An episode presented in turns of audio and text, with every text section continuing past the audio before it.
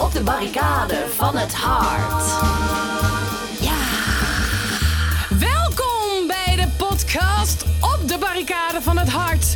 Live opgenomen in Theater Walhalla is hier uw gastvrouw, Elfie.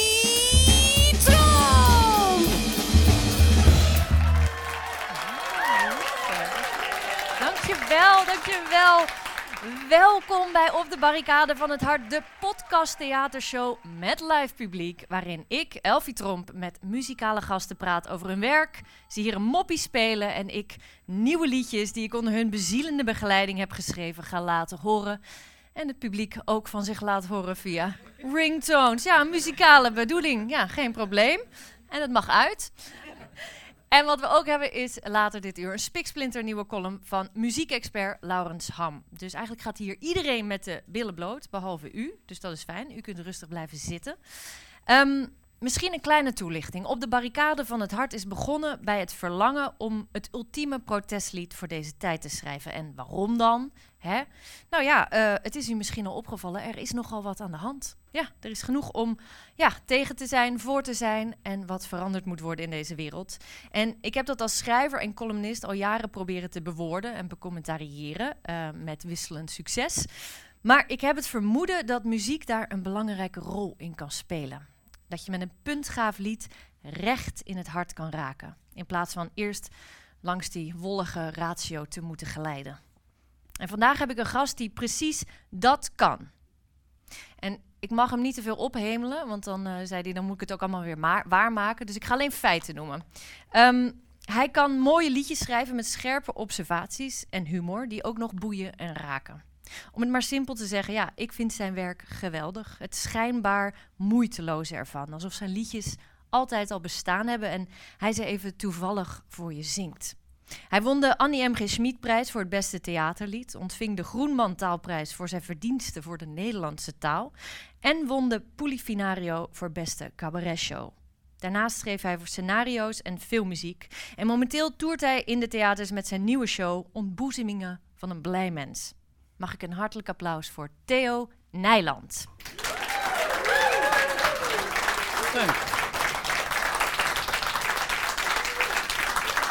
Zitten? Oh, ik moet... Oh, oké. Hij loopt nu naar de staande piano. Hij moet meteen aan het werk van me. Ja, ik ehm, ga iets ouds doen. Op verzoek van Elfie.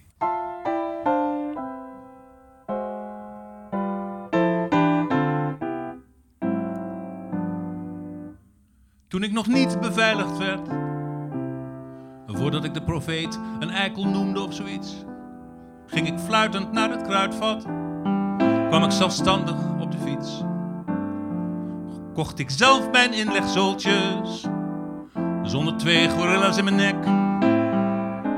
Maar sinds alles is gekanteld, is de wereld knettergek. Iedereen heeft lange tenen, iedereen is maf en de humor is totaal verdwenen. De jeu is er vanaf. Toen ik nog niet beveiligd werd, voordat ik Sinterklaas een pedo noemde of zoiets, ging ik fluitend naar de action, kwam ik zelfstandig op de fiets. Kocht ik zelf mijn aanmaakblokjes, bepaalde zelf op wie ik scheet. Maar nu ben ik dus beveiligd. Een voor pak en beet. Katholieken, moslims, lange teden, zwart-wit, joden, homo's. Iedereen is maf. De humor is totaal verdwenen. Iedereen is maf. Toen ik nog niet beveiligd werd, omdat ik Beyoncé niet goed vond of zoiets, ging ik voor een halve rookworst naar de Hema op de fiets. Maar vanwege al die zere schenen is er jeu er wel vanaf. De humor is totaal verdwenen, iedereen is maf. Toen ik nog niet beveiligd werd, nou ja, hetzelfde verhaal. Maar toen zaten er toch wel echt veel minder mensen, nog minder mensen in de zaal. Maar dan maar zonder humor. Ik ga hier niet mijn eigen graf staan graven en de show die vaart er wel bij, want het publiek komt er massaal op af.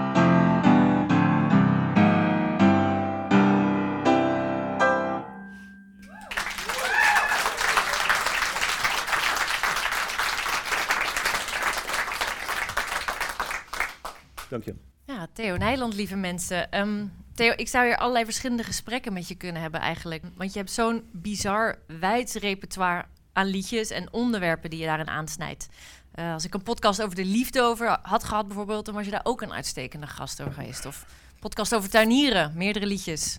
Mag ik dit even afdoen? Ja, tuurlijk. Je mag eh, alles uitdoen tot het Ik heb artrose in mijn linker, linkerhand. En dat, eh, ja, dat is dan weer mijn... Unique selling point. Ja, vanuit, daar, eh, vanuit dit ding schrijf ik eigenlijk alles. De pijn. Vanuit dat leed. Ja, ja heel goed. Dat Maar moeten we niet vergeten. Daar gaan we het ook ruimschoots over Goed, hebben vandaag. de tafel. Ja. Ja, ja, dat kunnen mensen als, eigenlijk als het ware als een artefact even naar kijken. Een lederen tuigje.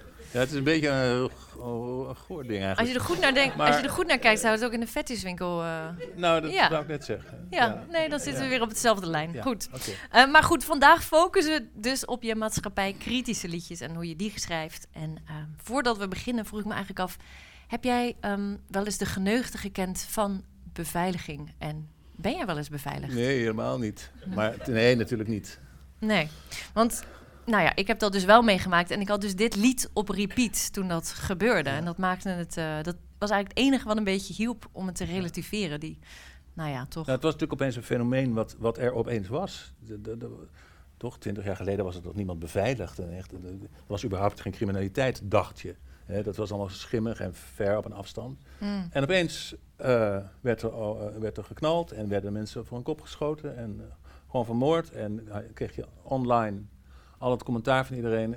Dus ja, wat jij hebt meegemaakt, dat, eh, dat heb ik gewoon eh, als inspiratiebron genomen. Nou, Niet graag gedaan. Wat jij dan specifiek, maar, gewoon het, het fenomeen van dat je beveiligd moet worden in Nederland. We hebben dan niet zo'n hoge pet op ons, van onszelf. En eh, ja, nu moeten we eens beveiligd worden. Het is toch absurd? Nou, vandaar dat liedje. Ja. Nou veel mensen kiezen dit onderwerp en dan zeggen ze... nou, de, de, grens is bereikt, we moeten terug naar normaal... naar de tijd van het, eh, het eh, touwtje uit de brievenbus. Ehm, maar jij kiest er dan voor om dit te vertellen... met een soort hele lullige Hollandse details... zoals die Hema-worst en de inlegsoltjes. Ja. Nou ja, ja, zo werkt het toch. Je kan niet meer naar de HEMA. Ik heb ook vrienden die voor de televisie werken, be- bekende gezichten. Die kunnen ook niet eigenlijk naar de HEMA. Die gaan niet ontspannen naar de HEMA. Is altijd wat aan de hand. Dus het gaat eigenlijk voor je over privé. Dat je privé gewoon, als je niet be- beroemd bent en niet bekend bent, landelijk zoals ik, of nou ja, alleen bij bepaalde mensen, eh, bij mensen met smaak, dan, eh, dan, dan eh, ja, heb je nergens last van. Dan kun je alles. Maar zodra je je bek opentrekt, heb je daar dus wel last van. En dat is heel, heel raar, toch? Ja. Censureer jij jezelf daarin? Dat je denkt... Nee. Nee. Ehm, ik was wel benieuwd, want je liedjes doen me ook denken eigenlijk aan, eh aan Carmichelt, aan de schrijver. Een soort mensenbeschouwer met een zacht spottende blik. Herken je jezelf erin? Nou, misschien drinken we evenveel. of dronk hij hebben. Ja, hij zat al in het café. Ik, ben ook, ik hou echt van het café. Het café, vind ik een van de mooiste dingen die er is. Qua ontmoetingsplek en qua sociale plek. Dat is veel leuker dan online ergens eh, maar, maar wat roepen. Je moet het in het café roepen en dan word je erover uitgezet. Of, weet je wel, maar dat, dat is echt een... eh, eh, echt dat soort cafés, ik weet niet of, of ze eigenlijk bestaan nog, maar die echte oude bruine cafés, Hier in Rotterdam wel. wel hè? Ja, Ja, zeker. daar is behoefte aan. En die, eh, Is dat ook waar jij bent begonnen? Waar, waar de muziek of de onderwerpen zich aandienen? ja, maar er was, er was wel een piano in mijn stamcafé, maar dat heb ik één keer opgespeeld. En eh zei ze, nou doe dat nou maar niet. Nou goed, je hebt maatschappijkritische liedjes waarin je het een en ander stelt ook en eh, aan de kaak stelt. Ehm, en ik vroeg je, censureer jezelf of kies je misschien daar eh, eh, keuzes, maak je daar keuzes in waarvan je denkt, oké, hier gaat niemand aanstoot aan nemen. En toen zei je, nou nee, niemand neemt de moeite om mijn cd's te luisteren, toch? Nee, ik zei als er een gek is die, die, die, dat wil, die iets wil vinden, dan, dan vindt hij het natuurlijk. Ja, Maar ik vind mezelf helemaal niet zo'n maatschappijkritische zanger. Ik ben, ik, je hebt het over de barricade. Dat, dat, ik kom wel uit zo'n nest, overigens. Eh, bij ons hingen eh, eh, spandoeken aan de waslijn in plaats van was. Ja, echt waar. En dan gingen we weer voor Zuid-Afrika, we gingen weer voor whatever, of de dekens voor Curaçao, of nou alle, kinderdorpen, voor alles moest er ook gedemonstreerd worden en heel politiek ook op een gegeven moment. En dan als kind, ik, ik, ik werd gevraagd door het Zuid-Afrika-comité om een lied te schrijven. Want ik zong al op de middelbare school ook, samen met een vriendin. Zo hadden we een soort programma. En dat was helemaal niet zo'n, niet zo'n politiek eh, geëngageerd eh, programma. Maar in die tijd was, was, was er veel meer politiek, in, althans in mijn gevoel. Ik woonde vlakbij de Sociale Academie De Horst in Driebergen. Dat was een hele, hele bekende, weet je wel, van daaruit begon de revolutie, zeg maar. En, en, eh, maar maar de weerslag was dat ik als, als toen ik dacht, hé, hey, ik, ik ben een artistiek wezen blijkbaar, dat ik helemaal niet zo ehm, eh, eh, gedreven was om hele wereldverbeterende dingen te, te schrijven. Eh, want het ene lied wat ik schreef voor het Zuid-Afrika-comité, dat werd eigenlijk niet goed bevonden, want ik had het over de mensen die naar die congressen gingen, die ik heel vaak meemaakte. En, en ik schreef dus dat eerste lied en ik wilde wel een politiek lied van, weet je wel, we zijn zo met de vuist. Maar het- ik kon eigenlijk alleen maar schrijven over de, over de mensen die ik op die congressen zag. En dat dacht van, ja, die komen hier alleen maar omdat ze ontzettend eenzaam zijn of thuis niks te doen hebben of geen vriend kunnen krijgen. Of, weet je wel, dus ik ben zo'n vervelend iemand die op dat soort dingen gaat letten. Op de veilen van mensen. En die vind ik ook het leukste om te beschrijven. Daar gaat het toneel natuurlijk ook over. Het gaat, gaat over, over de, de, de, ja, de wonderlijke wezens die we zijn. En, maar niet eh, om de wereld te veranderen. Dat, maar ik, eh, laat het zo zeggen, ik neem geen blad voor de mond als ik schrijf. Eh, ik wil gewoon schrijven. Dus als ik denk van ja, wat een on... Het gaat vaak toch over karakters van mensen en wat mensen allemaal doen. Ik bedoel, nu wil je vast dat ik eh, miljonair ga zingen of zo. Oh nee, dat komen we straks wel aan. Hebben we Oké. een paar mooie voorbeelden inderdaad van in het programma. Ehm, maar, maar het is wel... Je, doet er, je, je voegt er humor aan toe, aan die boodschap van engagement. Want je, je stelt wel iets aan de kaak, bijvoorbeeld ook in dit lied, eh, toen ik nog niet beveiligd werd. Namelijk de waanzin van zoveel woede en agressie eigenlijk in onze maatschappij. En die verbind je dan met kleine, nou ja, aardse zaken zoals die HEMA-rookworst.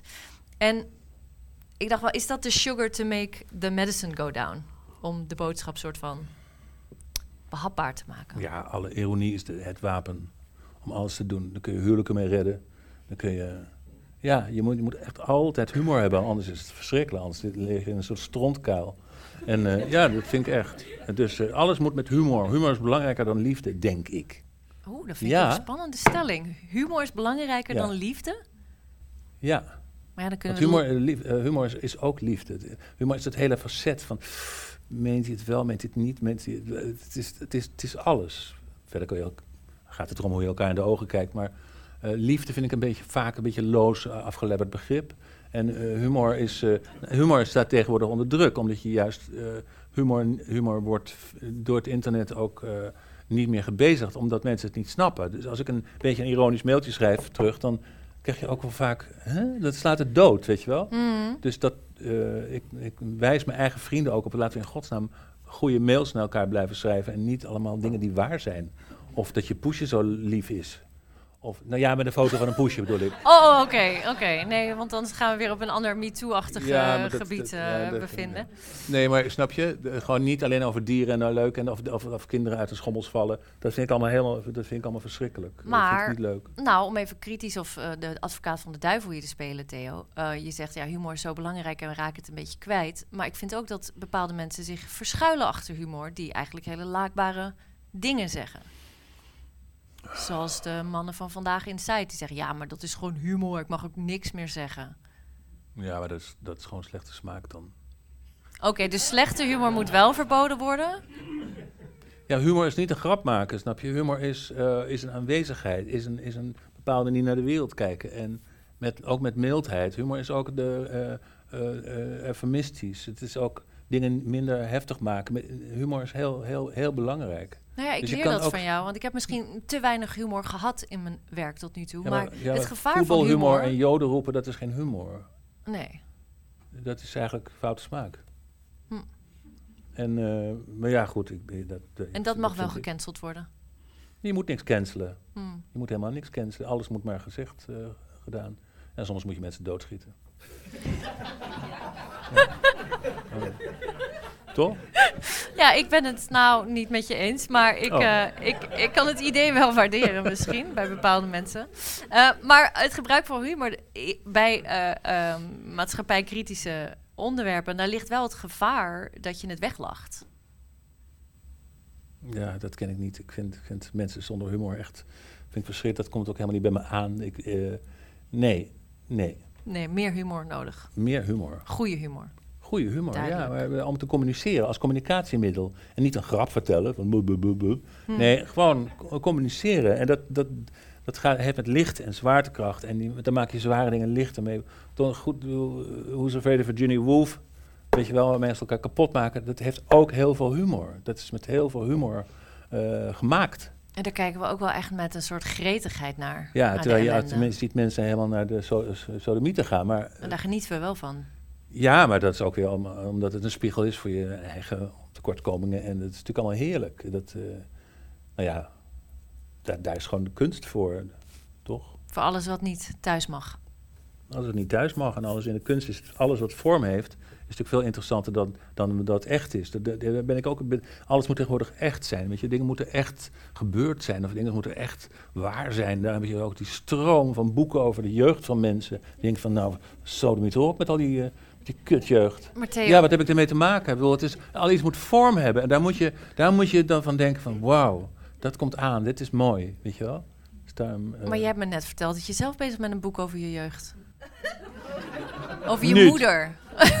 Over mijn moeder, nee, daar heb ik drie liedjes over geschreven. Ja, mooie liedjes. Ja, maar dan Ja. ga ik niet nog eens een keer een boek. Nee, ze komt wel even voor. Nee, maar goed, dat boek heeft, dat boek heeft, dat boek heeft vorm. Het gaat, het gaat erom, het gaat niet over mijn jeugd trouwens. Het gaat over, eh, over, over dat ik, ik ben 45. De hoofdpersoon is 45. Oh, niet je jeugd. Oké. Ja. Oké, dus geen foute humor. en Geen leeglopen over je jeugd. Nee, Het ja, moet een vorm moment weet je hebben. het wel al. Je, je Ja, ik leven- probeer hier les leven- uit te trekken, Theo. Ja, oh voor de luisteraar. Je probeert het te leren. Ehm, nou, ik ben wel benieuwd. Als ik kijk naar je oeuvre, dan eh, ben je wel geëngageerdere liedjes gaan schrijven over de, over de jaren heen. Ben je, dat, ben je dat met me eens? Misschien iets, ja. Omdat Ja. Het, dat het best moeilijk is. Ik was gisteren bij Flip Norman, wel bekend waarschijnlijk bij jullie, eh, in Amsterdam. En eh, ik vind dat die dat echt goed kan. Die is een enorme preker, is het ook. Hij, heeft enorme, hij is enorm intelligent, dat scheelt ook een stuk. Hij, eh, hij kan echt goed schrijven en zijn oude repertoire vind ik wat... eh, maar zijn nieuwe repertoire is echt heel bijzonder en bijzonder intelligent. En hij zegt echt iets over deze tijd.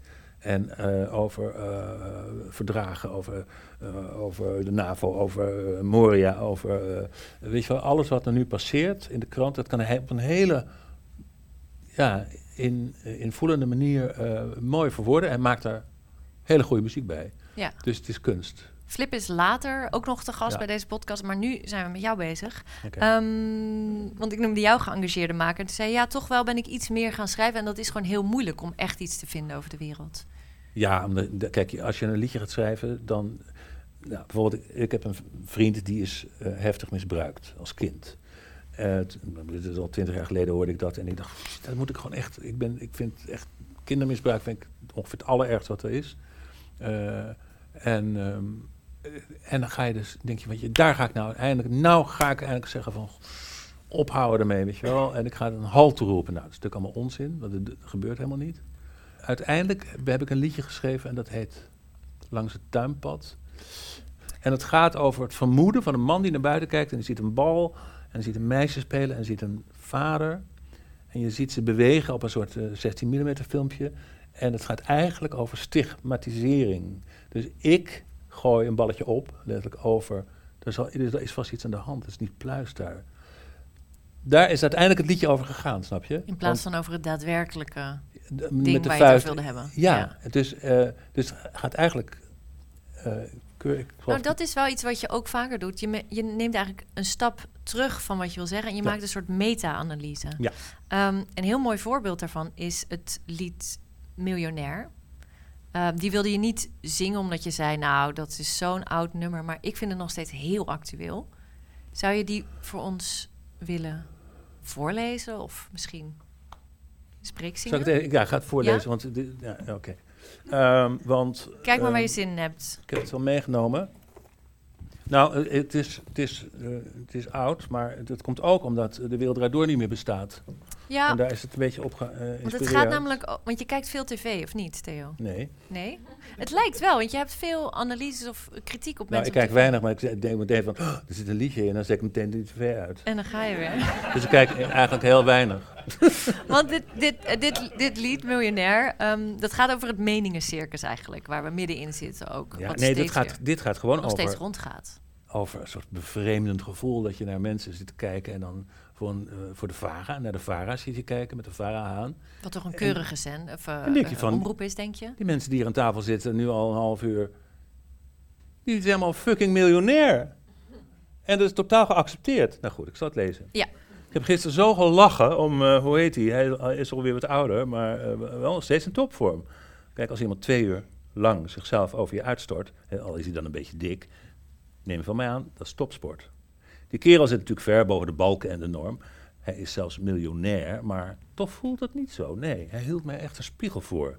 En alles met een flair over het vaderschap, het gezin, de dingetjes van zijn generatie. En zo af en toe een werkelijk perfecte imitatie van lui die je wel kent van de tv. Maar zonder dat hij oordeelt. Nee, van, eh, hoe heet die vent bijvoorbeeld, die eh, zo snel praat, die altijd enthousiast is, die heel populair is. Kom op, die, die, die best veel macht heeft, maar tegelijk een toffe linkse gast is. Hoe heet hij nou? Eh, het is ook al miljonair. Eh, die laatste, die gek aan tafel had, die met die bril, die altijd solidair met de zwakkeren is, met Nepal en zo, met de sluiting, eh, met sluiting bedreigde theaters, die best wel lelijk is, maar daarom juist heel veel zelfspot heeft. Hoe heet hij nou? Kom op, het is ook een miljonair. Eh, waar later nog die man bij aanschoof, die van de Gouden Kooi en zo, die van met die zus, die olijke, die, die, die blonde uit het gooi waar heel veel aan gesleuteld is. Ja, en ze heeft haar eigen blad, kom op, je kent haar wel, van RTL. Eh, ze hoort zo'n beetje bij het meubilair. Oké, nou, die man, haar broer dus, zij is trouwens ook zeker miljonair, die had een interessante kijk op, eh, qua uitspraken, wel hard, maar ook inhoudelijk. Hoe heet hij nou? Hij heeft zo'n paar miljard. Eh, goed, die man met die bril, die ook een column heeft in het NRC, heel scherp, maar niet elitair, die zegt dus op een goed moment dat hij altijd, eh, eh, tegen die altijd enthousiaste miljonair, dat hij ook best onzeker is. Ja. En zoiets raakt mij dan. Zo'n stem hebben we nodig. En hup, meteen een grap eroverheen. Wat een talent, die man. Ja, zoals die jongen met, met wat had hij nou, een dwarslesie of iets aan zijn rug. Hij was even uit de running, maar daarna sloeg hij terug. Hij had ook eh, ADHD, ik zag hem op tv, die show. Ik vond hem echt te gek. Want zo maak je van je wel en wee meteen weer je comeback. Echt heel knap. En bovendien sloeg je daarmee twee vliegen in één klap. Want vijf weken carré, gemiddeld 30 euro per kaartje, maal 1500 stoelen is 45.000 euro, maal zes avonden per week, maal vijf weken is 1.350.000 euro. U zou het ervoor doen, toch? Nou, goed, minus belasting, zaalhuur en techniek, want wat hou je eraan over? Zeg dik een half miljoen, toch? Nou, wij hebben ze echt nodig. De ene met een gekke bril, en de andere met een hoge piepstem. En weer een ander met bretels. Eh, nee, zij houden ons wakker. Zij zijn van de maatschappij de luizen in de pels. Maar god, wat heb ik gelachen zeg, gisteren om, eh, hoe heet die miljonair? Ja. Maar ik was ook best aangedaan, dus ik ga even naar achter en eh, ik zie een man naar buiten gaan. Dan stapt hij in zijn cabrio, op het randje van vulgair. Eh, ik steek mijn hand op en hij groet me heel familiair. Hey Theo, hoe is het ermee? Gaat het een beetje met je liedjes? Eh, ja, ja hoor, zeg ik. Ja hoor, het gaat best. Zeg, ik vond jou... Oké! En hij scheurt weg. Ja, maar ik heb me kostelijk vermaakt. Ik heb om hem gelachen en ik werd door hem geraakt. Door, hoe heet die miljonair? Eh, hoe heet het genre eigenlijk? Variété? Nee, nee, nee, nee. Het, is- dit is het vak van, hè, hoe, hoe, hoe, hoe noem je het? Zo, iemand nou? Pff, ik heb even een dipje. Oh. Ja, het werkt nog wel. Nou.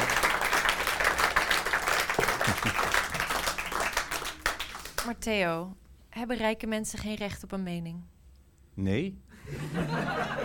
Want de rijke mensen hebben het al voor het zeggen. Die, die, die, die, die bepalen al. eh, We worden echt bepaald door. Er was ook een artikel. Ja, ik, ik lees dus heel veel kranten. Maar een artikel over de, de, de, de, boeren worden eigenlijk bepaald door de banken. En, en, en alle, alle bedrijfstakken die daaromheen zitten. eh, het is, wij zijn dan boos op de boeren. En we vinden, maar het zijn eigenlijk. Is die hele, die hele, het hele geldmechanisme daaromheen. Wat, wat, eh, wat de boosdoener is en ook waardoor we nooit echt eh, eh, die, die, die, eh, dat milieu een beetje op orde krijgen. Dat is, dus gewoon heel veel geld. Dus- En zeker in Nederland is het allemaal geld, geld, geld. Dus nee, geen mening. Duidelijk. Nou, een noteren we dat ook. Ehm, ik, ik luisterde het ook als een soort kritiek op het huidige cabaret in Nederland. Je maakt er ook een soort ehm, gemakkelijk variété van. Een soort vooroordelen bevestigend, gemakkelijk vermaak. Ja, ik, laat ik eerst zeggen dat ik niet zo'n fan van eh, cabaret ben. En toch word jij er ook niet. onder geschaard. Ja, dat is heel, Of, dat is heel of erg voor mij. verkocht. Ja, Ja? dan je een cabaretprijs. En terwijl ik vind het geen cabaretvoorstelling, ik zing liedjes. Ja, En ik praat het wel een beetje zo aan elkaar. Maar, dat, eh, maar het- ik maak geen cabaret. Een cabaretier moet gewoon, die komt op en die moet eh, jakkeren voor het jakkeren en scoren. En die is ook onzeker als er dan niet op een grap gelachen wordt. Terwijl ik denk, ja, ik zeg wat en er wordt niet gelachen, maar dan zal, zullen ze om het volgende keer lachen of zo, weet je wel. Dat ma- maakt me niet uit. Maar, eh, en, en liedjes moeten natuurlijk wel werken. Maar ik vind het cabaret op zich niet zo'n interessante vorm. Ik zag Wim Helzen vorige week, vond ik echt wel heel erg goed. Vlaamse Moet ik zeggen, cabaretier. ja, Nog geen goed. miljonair, denk ik.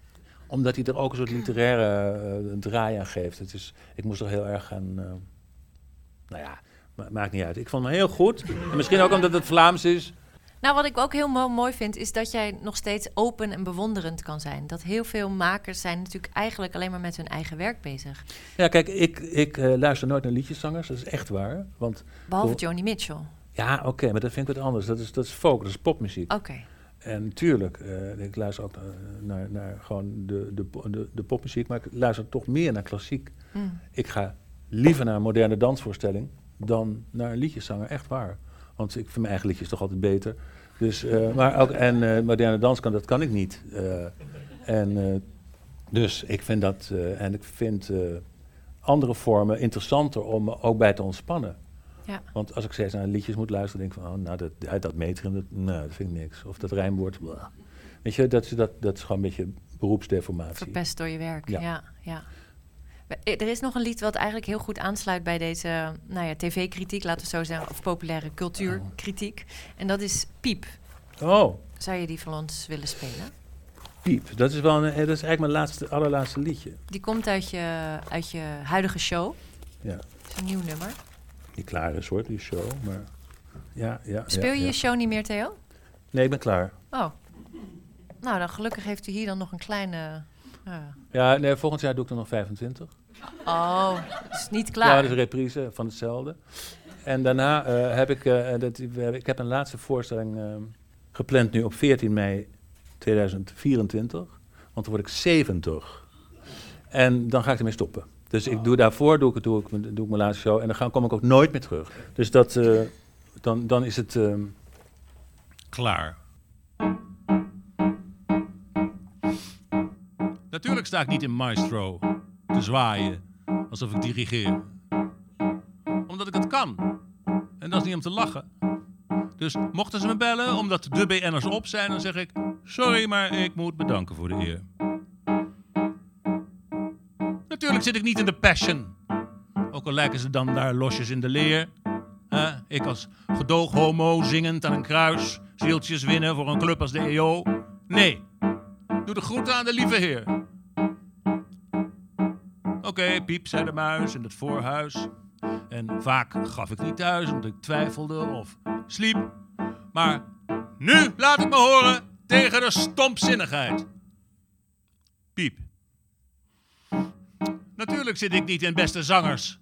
Denk je dat ik mij daar als een Stef Bos reanimeer met die serieuze kutliedjes een beetje intellectueel ga zitten doen? In het land der blinden, zeg ik dan tegen Avro Tros als ze me bellen, dat ik mij daarmee aan canailleer? En natuurlijk zeg ik nee tegen het Eurovisie Songfestival. Dan wil je wel eens zien hoe ik mij profileer te midden van die achterlijke Balkan shit. Mijn smaak, mijn intelligentie voor 12 points? Nee. Nou, die bellen dus niet meer. Piep, zei de muis in het voorhuis. Oké, vaak gaf ik niet thuis omdat ik twijfelde of sliep. Maar nu laat ik me horen tegen stompzinnigheid. Piep. Natuurlijk haal ik mijn muziek van Spotify. Ben ik solidair met mijn helden van weleer. Wij zijn geen bunnen voor wappies. Een fuck you van Neil Young, van Joni Mitchell en van mij. Dat gaan ze voelen. Dat doet zeer. Natuurlijk zit ik niet in zomergasten. Een beetje pseudo-diep doen. Wat ik dan lardeer met beelden van wat ik enorm boeiend zit te vinden. Nee, nee. Piep mevrouw, dat heb ik te vertellen. En laat ze me maar bellen Want dan maak ik daar in één keer die hele redactie neer. Ja, piep, zegt de muis. Met een glasbak. En ik shock terug. Via de slijten naar het bed waarin ik sliep. Met zo'n treurig zootje als mijn loopbaan die niet liep. Omdat ik gelijk heb. Maar dat net iets te vaak. Omdat ik gelijk heb. Piep tegen de stomzinnigheid. Piep, maestro. Ha, ha, ha. Piep. Yep.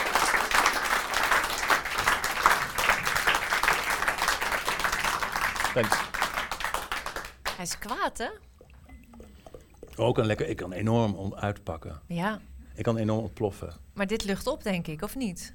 Nou, dit is gespeelde kwaadheid hoor, sorry. Maar zit er een vorm een van, ben- zit er een vorm van on- eh, eh, ontspanning of opluchting in het schrijven hiervan? Ja. Dat wel, Het schrijven, ja. ja. Maar natuurlijk, ja, god. ehm, ik ben heel tevreden met mijn status, want het gaat natuurlijk over iemand die gefrustreerd is, eh, maar ook gelijk heeft. Dat, dat vind ik ook. Ja. Ah. De column triangel. Oké. Dat betekent... Moet ik weg? Nee, nee, je mag lekker even zitten. Of je moet even plassen, dat mag nu. Maar het gaat over jou, dus misschien weer het leuk om te horen. Hm. Ehm, ik ga nu even een boek omhoog houden voor de mensen in de zaal. En ik ga het laten vallen voor de mensen thuis. Zodat je kunt horen dat hier ja, eigenlijk een bijbel is over de geschiedenis van protestliederen. Want ik was hier niet geweest eigenlijk zonder dit boek. En dat is niet ironisch, eh, maar echt waar. Ehm, dit boek namelijk Op de Vuist van s- protestliedjes-expert, muziekkenner Laurens Ham. Dat is eigenlijk een van de beginpunten van mijn onderzoek hier geweest naar protestliedjes. En eh, wat er voor mij ging, eh, wat er eh, nu speelt. En misschien wat we kunnen toevoegen aan de toekomst van het genre van de protestliedjes. En elke podcast maakt hij een snedige analyse van mijn gasten hier. Dus mag ik een hartelijk applaus voor Laurens Ham.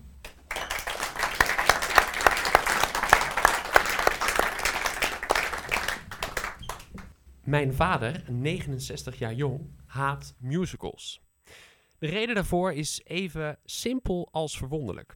Musicalacteurs barsten op emotionele momenten spontaan in gezang uit.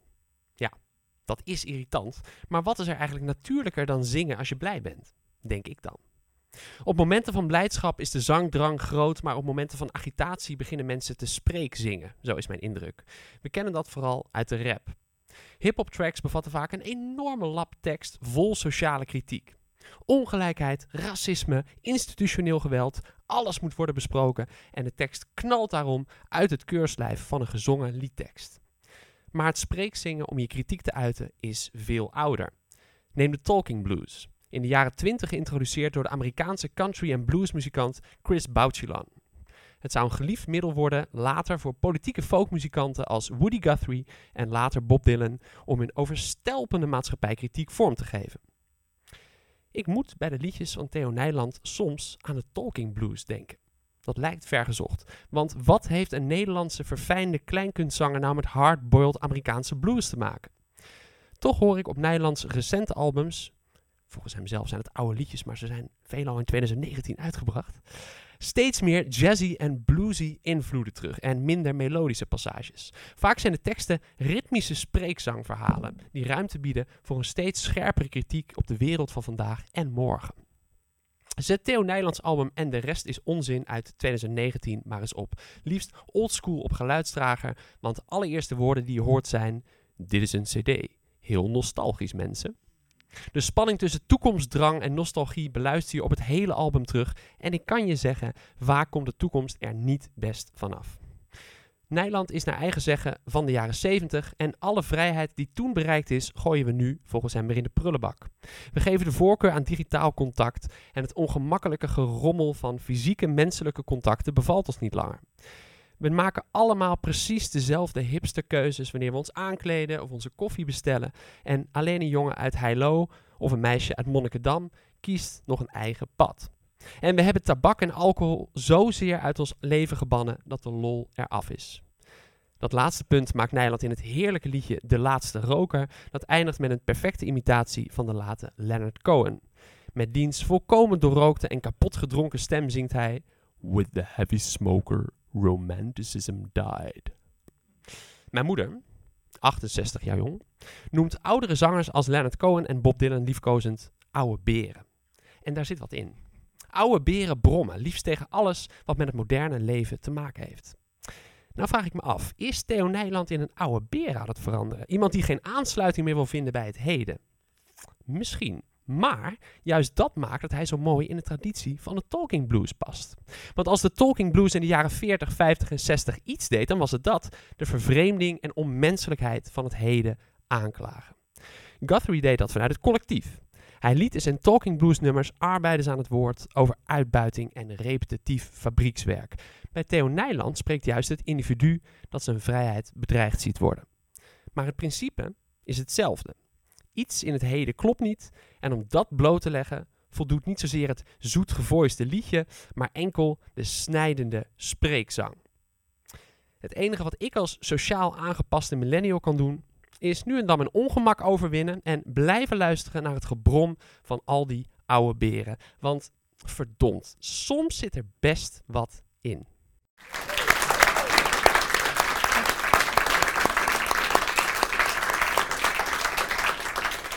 Ik moet, ik moet nu ook even laten weten dat de podcastreeks opent met een gesprek over protestliederen in Nederland met Laurens. En uh, nou ja, uh, ik ben zo uh, vriendelijk om u dat aan te raden om terug te luisteren.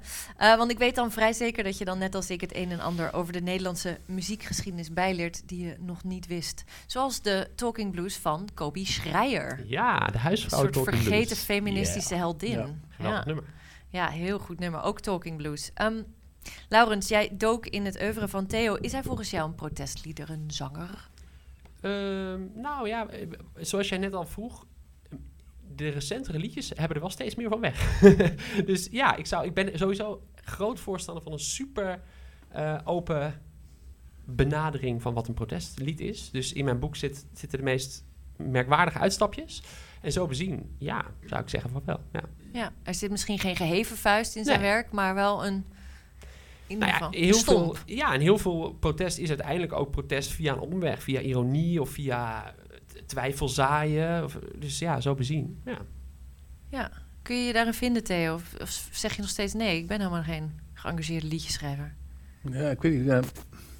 kennen wij, we kennen niet zoveel mensen, hè, of het publiek denk, kent denk ik niet zoveel protestliederen, zangers in Nederland. Ze zijn er dus inderdaad wel. Kijk, ik ben opgevoed met Boudewijn de Groot. En eh, die heeft, die heeft meneer, meneer de president niet zelf geschreven. Want het is ook, ik vind het heeft heel erg te maken of je het zelf schrijft of dat je het laat schrijven. Dus ik vind Boudewijn de Groot altijd eigenlijk helemaal niet een protestzanger.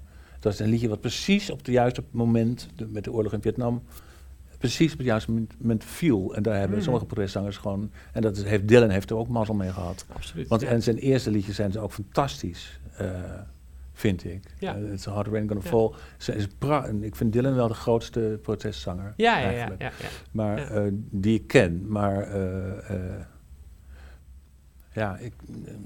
wat zei ik?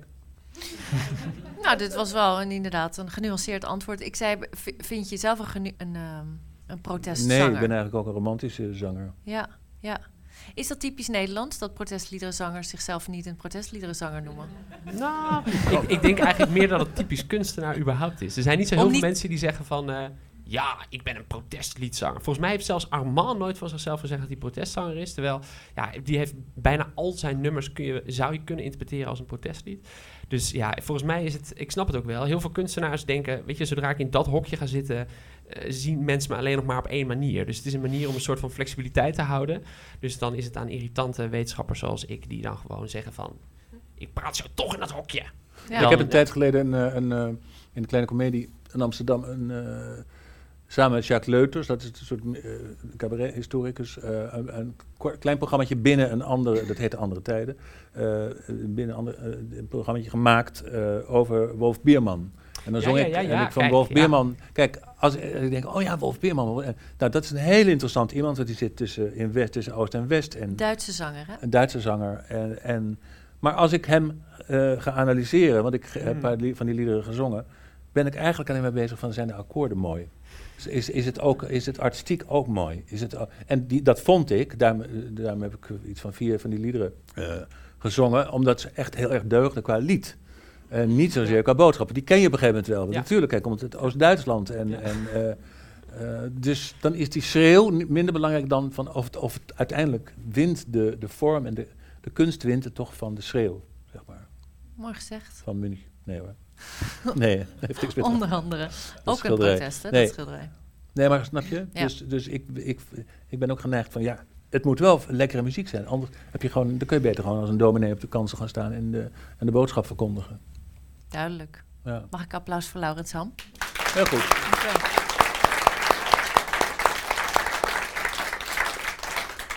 Nou, je hebt eigenlijk zelf het volgende onderwerp al aangesneden: de ambacht. De ambacht van het liedschrijven. Ja.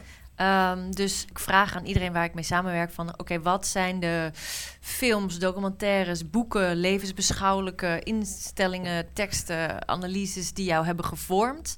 Nou, eh anticapitalistische manifest heb ik moeten lezen... eh, documentaires eh, moeten zien. En bij Theo zei hij alleen...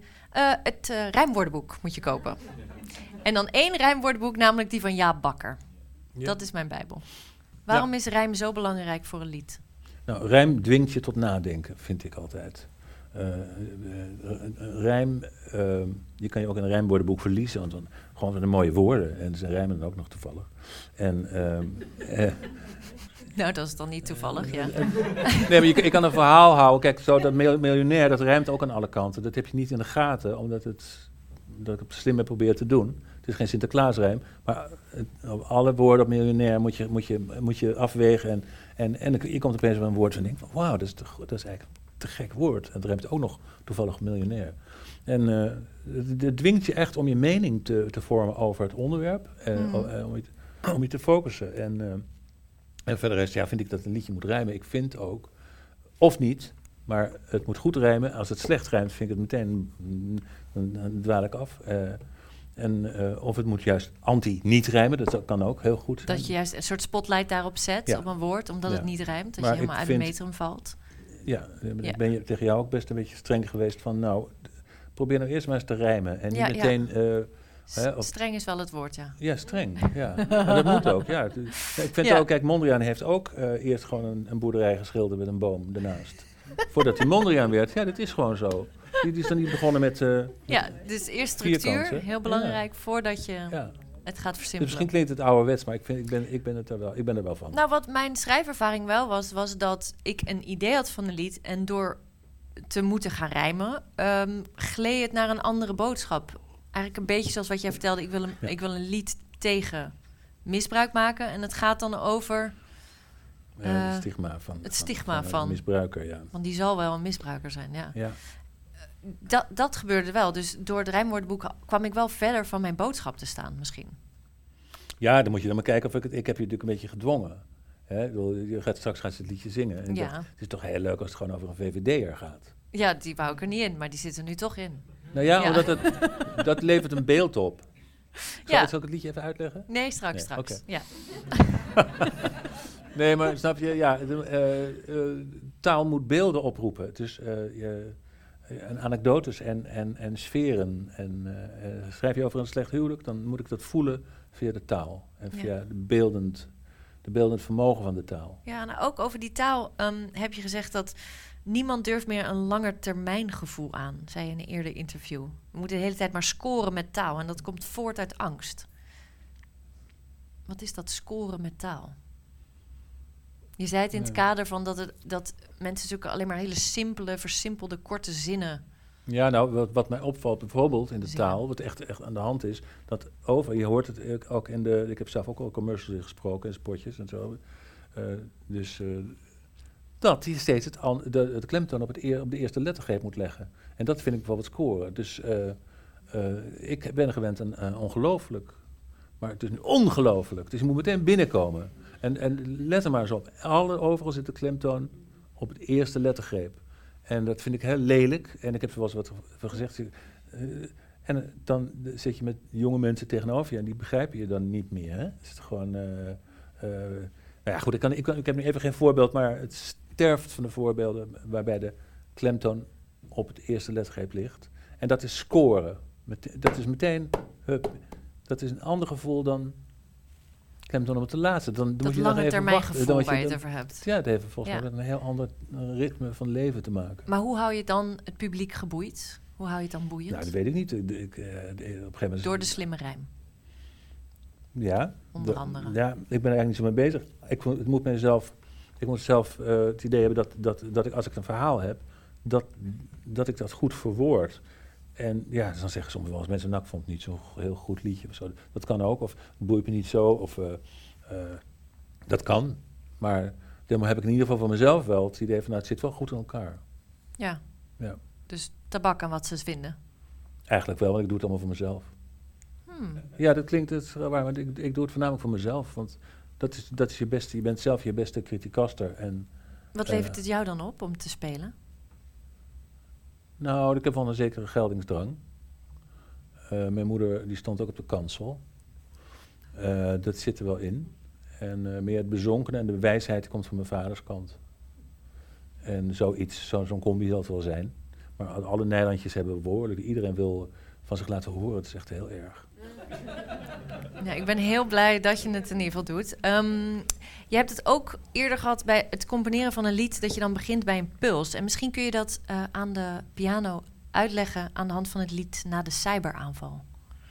Nog zo'n dystopisch Oké. eh, Nou ja, dat, ja, puls. Ja, puls, Liefdeslied, puls, puls. ja. Ja, er zit gewoon een beat in. Kijk, eh, het cabaret van vroeger was heel...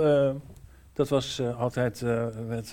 eh, ik ga naar de kroeg en ik babadababadabam, en da la la la la la la la. En dan la la la la la. Weet je, was geen touw aan vast te knopen. Ja, ja, ja. Dus da- en dat vond ik afschuwelijk. Eh, dat heb ik ook zo op die Kleinkunstacademie geleerd. Echt Ja, ja. Dus ik dacht van, en ik hield van Simon en Garfunkel. Ik hield van, eh Ik weet ook nog dat je naar me... dat, dat ik als kritiek kreeg... Ik had de eerste versie van het lied geschreven. Die zei, oh, het verschrikkelijk dit is Donkey Shocking. Ja, ja, ja. jaren zeventig. ja, want jij begon ook van, ik zeg, wat, wat, wat, wat wil je nou? Ja, ik wil, ik, het is een soort cabaretlied. Ja. Ja, maar moet je, je moet eerst dan cabaret eh, zelf eh, kunnen of zo. Zelf Ja. eerst Mondriaan. Dan kun je het persifleren. Want anders dan wordt het niks. Dan snapt niemand het meer. Dus eh, ja, misschien heb ik het hele liedje de nek omgedraaid. Maar goed, dat is dan jouw... eh, Dat gaan we straks eh, horen. dit, dit is bijvoorbeeld... eh, even kijken hoor. Wat, wat wilde je ook alweer? Ehm, na de cyberaanval. Een, ehm, Cyberavond. want dat is eigenlijk een hele plaat ehm, over ja, het online leven. Hoe het ons bedreigt, hoe het ons beïnvloedt. En na de cyberaanval is misschien wel een van de meest mooie dystopische liefdesliedjes die ik ken.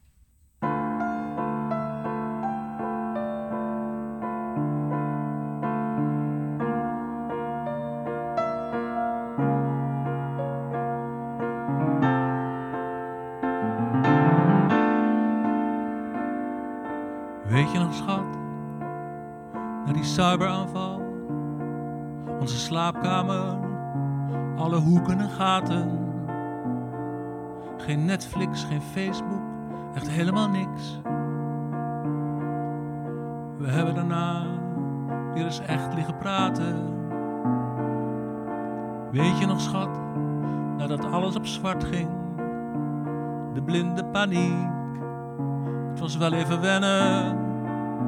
Maar uiteindelijk Twitter, Instagram en noem maar op, bol.com, we gaven er niks om. Alsof we elkaar voor het eerst leren kennen. Weet je nog, schat, de weldadige stilte bleek dus nog te bestaan. Al onze zintuigen openden zich. Bijna had jij mij en ik jou weer terug. En toen ging alles weer aan.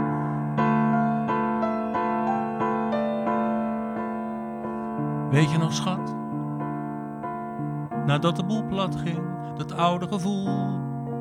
Het was terug in een oogwenk. Geen wordfeud, geen volkskrant online en het gaf niks, want wij hadden elkaar. Ach, als ik daaraan terugdenk. Weet je nog, schat? De weldadige stilte bleek toch nog te bestaan zintuigen openden zich en bijna had ik jou en jij me weer terug. En toen ging alles weer aan.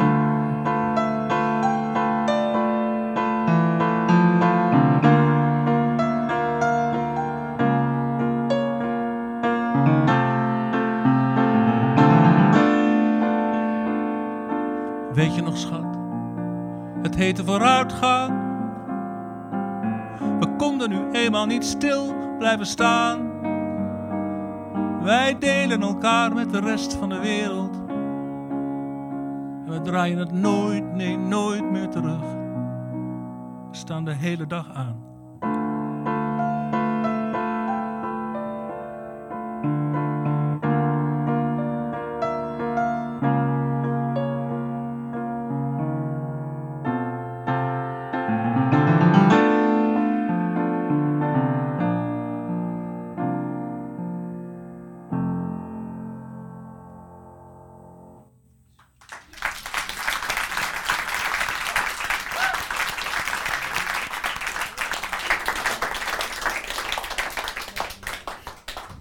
Ja, maatschappijkritiek en een liefdeslied. Eh, ja, het liefdeslied is natuurlijk altijd de mooiste vorm voor een lied eigenlijk. Oh ja? In een liefdeslied kun je alles zeggen. Want het kan in een liefdeslied ook opeens oorlog worden. En je kan, er kan ook opeens iemand... Alles zit in de liefdesliedjes. Maar Dus jij daar- hebt geen onironische liefdesliedjes. Er zit altijd iets Franks in jouw liefdesliedjes. Er is ook een liefdeslied waarin je Ja, heel, uitzinnig iemand eh, allerlei eh, een opsomming noemt. Van je bent de, de klimop aan mijn, eh, Ja. aan mijn, aan mijn balkon. Dan zeg je en je bent mijn tumor. Nou, ik bedoel het wel serieus. Ja, Je ik weet het. Eh, maar het is ook gewoon, eh, ja, bakker, eh, humor. Oh, dat is makkelijk ja, afschuiven. eh, Dat is humor en tumor. Er is gewoon heel weinig eh, ruimte erop op humor. En, eh, maar ik bedoel, tumor, ik, ik heb er natuurlijk lang over nagedacht. Ik vond het wel kunnen, want tumor woekert. En eh, die plant, Hm. die blauwe regen, die, die, eh, die, die klimt tegen de balkon, die woekert ook. Die Ja. komt echt, zo ben je binnen, weet je wel. Over, dus ik vond het een soort, ik zeg ook een vro- vrolijk soort van, een heerlijk soort van tumor. Zing Ja. ik. Dus ik zing niet alleen tumor. Dus eigenlijk gebruik ik het woord tumor in een positieve zin. ja, het is gewoon het is iets, gewoon iets medisch. Ja. Maar ik durf toch niet bij je te zwijmelen. Nee, je moet, ja, kijk, d- d- al die andere liedjes die er al zijn, eh, liefdesliedjes, Mm. eh, dat, dat is wel een beetje mijn, mijn eh, hak in het zand altijd. Van, ik denk van, ja, al die liefdesliedjes die alleen maar over liefde gaan, dat vind ik gewoon boring ook. Weet je wel, want het is... ach, er zijn, er zijn zulke vreselijke liedjes eigenlijk geschreven. En het ergste is, we luisteren de hele dag naar, ze komen allemaal ons oor binnen en we, we merken het helemaal niet meer. Het, en ik snap ook wel dat niet je hele dag Theo Nijmans liefdesliedjes moet horen. Oh, daar word je ook helemaal gek van. Maar het is, het is, ik vind het gewoon leuk om, om een beetje te jennen, ook in een liefdesliedje. Ja. Duidelijk. En, maar ik merk ook dat ik wel eens mensen eh, aan het huilen krijg. Eh, dat is gewoon lachen en traan. En, en dat, eh, dat ondanks, die, ondanks die, die wrange kant. Want dat is waarschijnlijk als het leven zelf is. Zo. Ja, duidelijk. Je hebt mij een eh, liefdeslied laten schrijven over een VVD'er. Ja. Zullen we dat gaan doen? Zullen we dat gaan doen? Ja, let's go. Nou, nee. Je had eerst had je heel veel beelden erin. Mhm. en woorden die met opstand en met, met links te maken hadden. En toen dacht ik van ja, er, er moet een beeld, eh er moet duidelijk zijn eh, tegen, tegenover wie je eh, in die ruimte, het gaat over een date met iemand, zit er in die ruimte en die, die man is een VVD'er, dat is, dat is, en jij niet. Dat vond ik, eh, vind ik dan spannend door het woord VVD'er. Ik snap het. En ik ben het uiteindelijk ook met hem eens geworden. Nu ga ik het zingen. Dus hier gaan we. Het vrouwtje van. Eh, Oké, het vrouwtje van, wacht even hoor. Eerste keer dat we het samen spelen nu.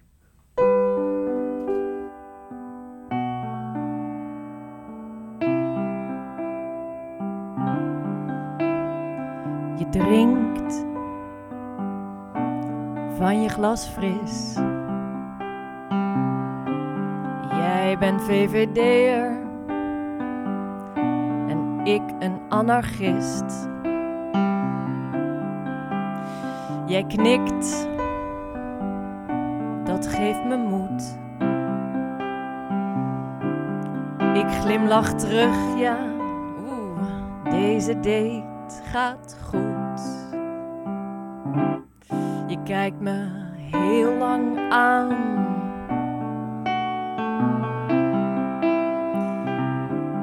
En de tijd, oeh, die lijkt stil te staan. En je kust me, maar je kus is bitterzoet. nee, dit gaat helemaal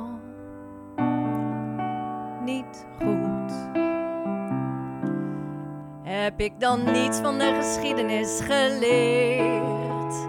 Dit gaat helemaal verkeerd. Als een man zegt, schat, ik hou van jou, is dat het einde van een vrouw. Je kijkt me aan, mijn hart veert op, maar mijn hoofd hangt nu al in de strop.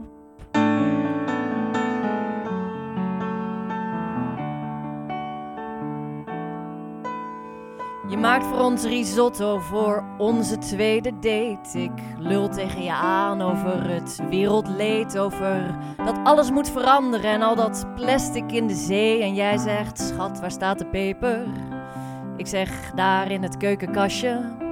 Jij zegt, hoezo dan alles anders? Ach, typisch VVD. Ach, laat ook maar. Ik buig wel weer mee. Heb ik dan niets van de geschiedenis geleerd? Dit gaat helemaal verkeerd. Als een man zegt ik hou van jou, is dat het einde van een vrouw. Dat is de valstrik van de man. Straks ben ik enkel nog het vrouwtje van. Ik moet spandoeken maken en marsen lopen. Ik moet hopen dat er geen Rutte 5 komt. Ja, ik mag dat echt hopen. Maar ik doe het niet. Ik heb een date met jou. Ik dut me voor je op, ik word een hockeyvrouw. Om je moeder te ontmoeten, hi, leuk. Ja, ik laat voor me betalen. Ja, in de restaurants, ik laat voor me betalen. En ik word zo'n stomme blonde doos. Weg met mijn idealen. Heb ik dan niets van de geschiedenis geleerd? Dit gaat helemaal verkeerd. Als een man zegt, schat, ik hou van jou, is dat het einde van een vrouw. Dat is de valstrik van de man. Straks ben ik enkel nog het vrouwtje van.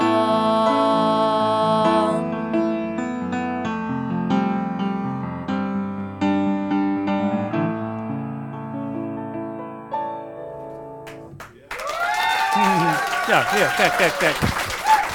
Ja.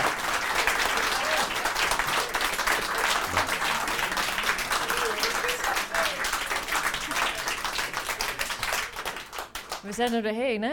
Maar we hebben er nog één. Je hebt nog een, li- jij moet nog een liedje. Ja, dat wil je we dan zijn er bijna, mijn god. Nee. Oh, elke keer duizend doden. Nee, ik ben heel blij dat ik dit met jullie mag delen. De tweede heet eh, Welkom in het theater. En ja, het gaat over jullie.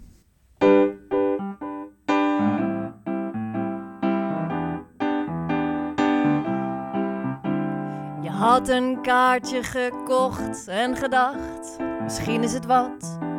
Wie weet breekt ze door, dan kun je zeggen dat jij erbij was. Toen ik hier nog stond in dat kleine theater, platina blond.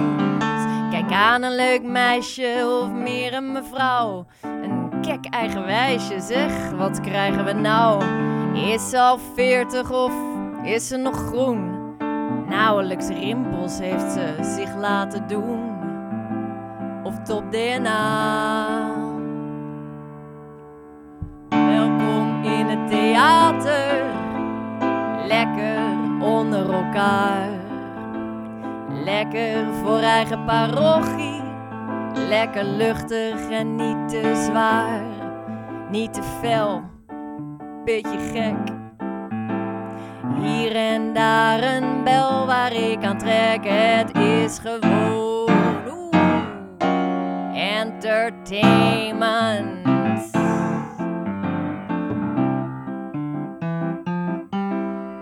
Ze zingt over aderverkalking door stress. En ook die oorlog in Kiev is haar niet ontgaan. Heeft ze een oma daar, komt ze er zelf vandaan. Pathetisch is het wel, die gevoelige snaar. Maar we zijn hier niet in Kiev, Cuba of Iran. Ze doen nu net alsof er helemaal niets kan. Vergeleken met Wit-Rusland is hier niet veel aan de hand. Ja, is het eigenlijk nou lekker land. Welkom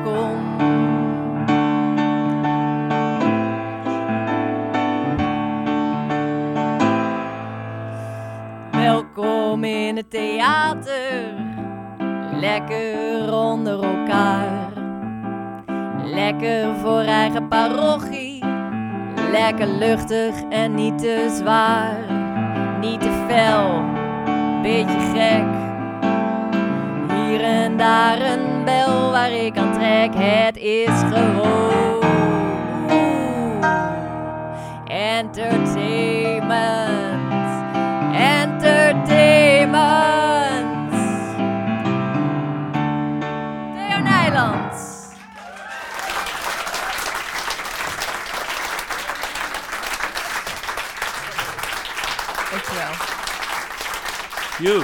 Ik, eh, ik had niet alle noten. Ik moet eerlijk zeggen, ik had niet alle noten, maar we noemen het jazz. Ja, ik had ook niet alle noten. Ik wist helemaal niet... eh, Eh, Theo, wil jij goed. afsluiten op een goede noot? We hadden nog een liedje.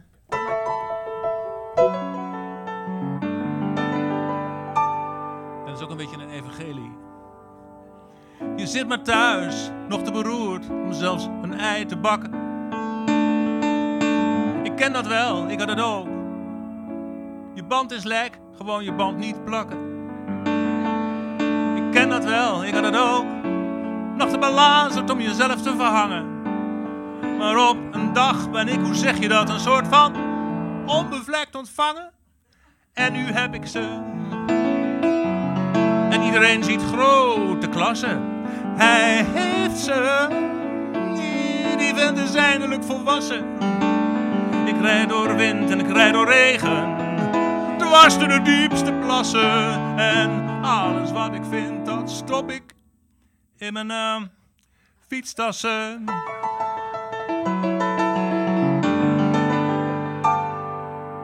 En lig je thuis, beetje fictief, voor je uit te wippen. Of sta je voor de spiegel met je wattenstaaf, je vrat dan aan te stippen. Dan zeg ik, ja jongetje, ik ken dat wel. Ik had het ook, ik was gewoon nog te belazerd om mezelf op te knopen. Totdat een stem zei, hé, hey, sta eens op jij, want jij moet fietstassen gaan kopen. En nu heb ik ze. En iedereen ziet grote klassen. Hij heeft ze, die vent is eindelijk volwassen. Ik rijd door wind en ik rijd door regen. Door de diepste plassen. En alles wat ik vind, dat stop ik in mijn fietstassen. Leven heeft weer zin, nooit meer in een passen. En er kan wel zo ongelooflijk veel in mijn fietstassen. En als iemand me voor een wielen rijdt, dan zeg ik: jongetje, nou dan moet je wel heel snel opkrassen. En kom je aan mij, nou dan moet je oppassen. Want dan kom je vanzelf direct ook wel degelijk aan mijn fietstassen.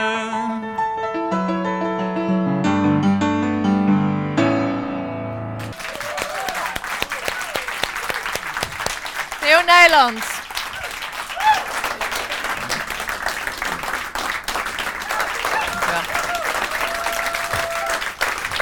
Heel bedankt. Ehm, dan rest mij nu eh, de eer om de, de podcast en deze middag af te sluiten. eh, met de opmerking: Ik hoop dat jullie hebben genoten. Dat allereerst. En dit is een deel van een reeks. De eerdere afleveringen met onder andere Sven Ratske kun je terugluisteren.